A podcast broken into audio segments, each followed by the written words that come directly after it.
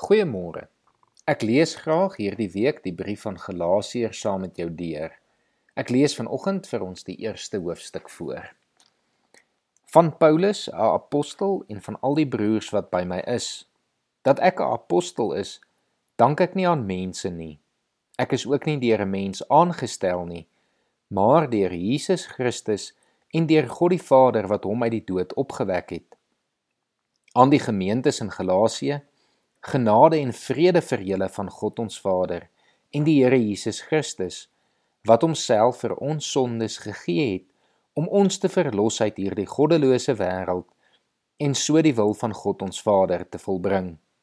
Aan God kom die heerlikheid toe tot in alle ewigheid. Amen. Dit verbaas my dat julle so gou van God wat julle deur die genade van Christus geroep het, afvallig word en 'n ander evangelie aanneem. Daar is geen ander evangelie nie. Tog is daar mense wat die evangelie van Christus probeer verdraai en dit is hulle wat vir julle in verwarring bring. Maar al sou een van ons of selfs 'n engel uit die hemel aan julle evangelie verkondig wat in stryd is met die evangelie wat ons aan julle verkondig het, die vloek van God sal hom tref.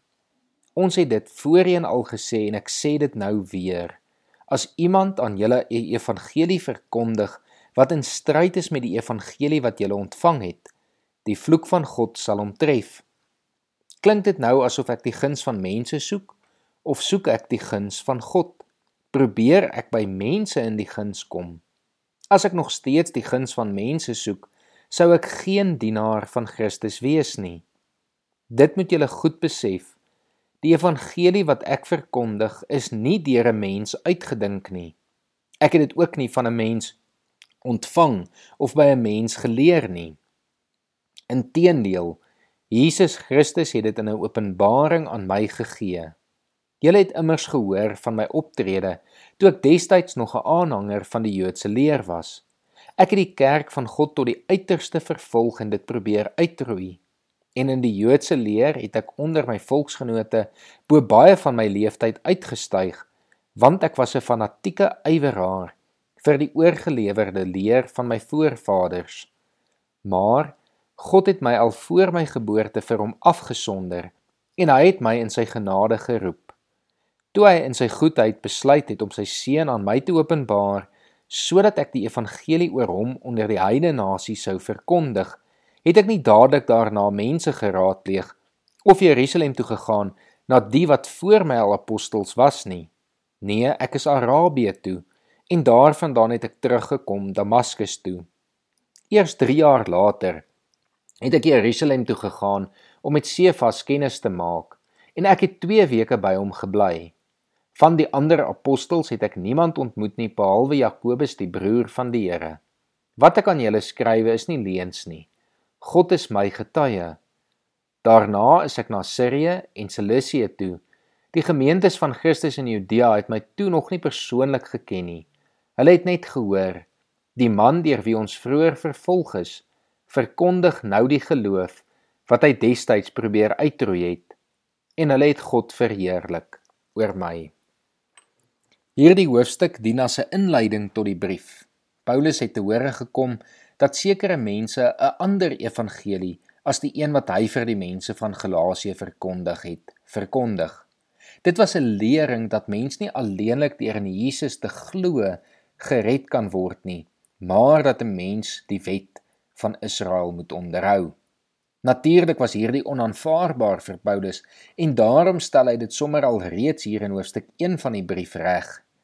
Dit is alleenlik deur Jesus Christus wat homself vir ons sondes gegee het om ons te verlos dat ons gered kan word. Dit is waaraan ons as gelowiges moet vashou. Dit is die goeie nuus vir elkeen wat glo en daarom kan ons dit nie vir enige iets verruil nie. Selfs al is hierdie evangelie nie vir ander mense mooi of aanvaarbaar nie, probeer ons mos nie by mense in die guns kom nie. Ons wil God dien en daarom sal ons hom aanhou vertrou en hom aanhou volg. Ek wil vanoggend vir jou vra om na te dink oor wat die evangelie van Jesus Christus as jou verlosser vir jou beteken. Watter impak het dit op jou lewe en diegene rondom jou se lewe? En laastens, hoe kan jy vandag seker maak dat jy God dien en sy evangelie in hierdie wêreld versprei? Kom ons bid saam. Here, dankie vir Paulus en sy lewe dat hy wat aanvanklik eers die goeie nuus oor U probeer uitroei het, later self besef het dat dit die enigste lering van verlossing is. Here, dankie dat ons wat vandag luister ook dit kan weet en kan aanvaar in ons eie lewe. Dankie dat U ons gered het.